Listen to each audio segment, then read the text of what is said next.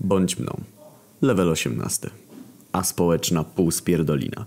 Tylko pół, ponieważ zdarza mi się zamówić pizzę zwyczajnie dzwoniąc do drugiego człowieka, a nie przez apkę. Czasem nawet powiem, że bonus. Ale to rzadko. Maturka na horyzoncie. Spina wielka, bezsenność i ryj w książkach. W sumie nawet trzymanie ryja w książkach sprawia ci frajdę, więc hmm, profit. W przerwach między funkcjami pochodnymi i ukrytą opcją pedalską u Gombrowicza zaczynasz myśleć. Tak, zdarza mi się. Ciekawi cię, jak to jest wetknąć ryj w coś innego. w kosz na śmieci. O coś ty sobie myślał? Nie taki w domu, tam co najwyżej normiki sobie nurkują. Taki duży, taki co stoi pod blokowiskami. Jeszcze w gorący dzień, kiedy powietrze drga. Wtedy to gówno robi się na ciepło. Wychodzisz z piwnicy. Anon, idziesz gdzieś? To kup mi jeszcze worki na śmieci przy okazji, proszę. Spoko, spoko, mamełę. Shit. Widać po moich oczach, co zamierzam? Opuszczasz mieszkanie w największym pośpiechu i udajesz się prosto do śmietników. Piękne, majestatyczne, zielone. Całe oblepione zaschniętą wydzieliną fekalną, czyli takim soczkiem, co czasami wypływa z worków. Pojemniki są otwarte. Zajebiście. Ciepłe powietrze wznosi się i trzęsie w ten charakterystyczny sposób, który przynosi na myśl parę buchającą z potraw na stokowych zdjęciach. Rozchylasz nozdrza jak królik. Twoje dziurki otwierają się szerzej niż nogi twojej niunie ćwiczącej szpagat z przyjacielem, kiedy jesteś na wyjeździe służbowym. Nie masz ani niuni, ani pracy, ale mniejsza. Delikatnie zaciągasz się wonią śmietników. Aromat wnika w każdy twój pęcherzyk płucny. Czuj dobrze, człowiek. Trwasz w tej ekstazie kilkadziesiąt sekund. Zaczynasz rozróżniać poszczególne nuty zapachowe. Mdląco ożywiający aromat filtra ze starą kawą, intensywna woń spleśniałego jedzenia. Powolnymi krokami, z zamkniętymi oczami zbliżasz się do śmietnika. Twoje usta są rozchylone, jakbyś chciał również przez nie pochłaniać esencję blokowego zbiorowiska odpadów. Zapachy są coraz intensywniejsze, dochodzą nowe nuty, harmonizują ze sobą. Twój nos jest w istnym raju. Nie możesz się powstrzymać. Zbliżasz się do ściany pojemnika, chwytasz się krawędzi, podnosisz się na niej i wpadasz do środka. Zebrałeś po drodze trochę wydzieliny fekalnej. Czarnawa, lepka, odrobinę błyszcząca w promieniach słońca.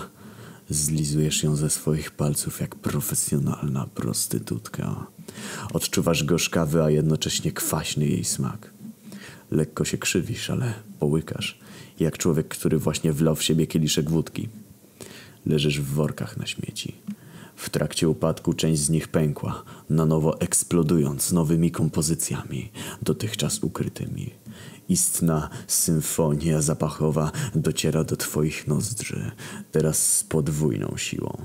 Dochodzą resztki skwaśniałego mleka, kilka zgniłych jajek, zużyte podpaski – Rozkosz nie pozwala ci się powstrzymać. Rozpinasz pasek, wyciągasz z bokserek stojącego na baczność penisa, rozglądasz się, próbując ogarnąć topografię, te wzgórza i doliny zrobione z worków i zużytych tekstyliów. Delikatnie rozsmarowujesz resztki wydzieliny fekalnej na prąciu.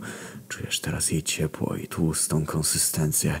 Obracasz się na brzuch, kładziesz się i ruchami bioder szukasz miejsca. Znajdujesz, wkładasz pytonga w małą szparkę pomiędzy workami, rozgrzana w słońcu folia obejmuje go w całości i pochłania. Delikatnie drapią cię po brzuchu kanciki kartonów po rozmaitych napojach. Ktoś wyrzucił zgniłe winogrona. Czujesz to, kiedy wykonujesz pierwszy ruch biodrami. Pęka ściana worka i wycieka z niego sok z winogron. Rozgrzana, płynna substancja o lekko gryzącym zapachu spływa na twój sprzęt.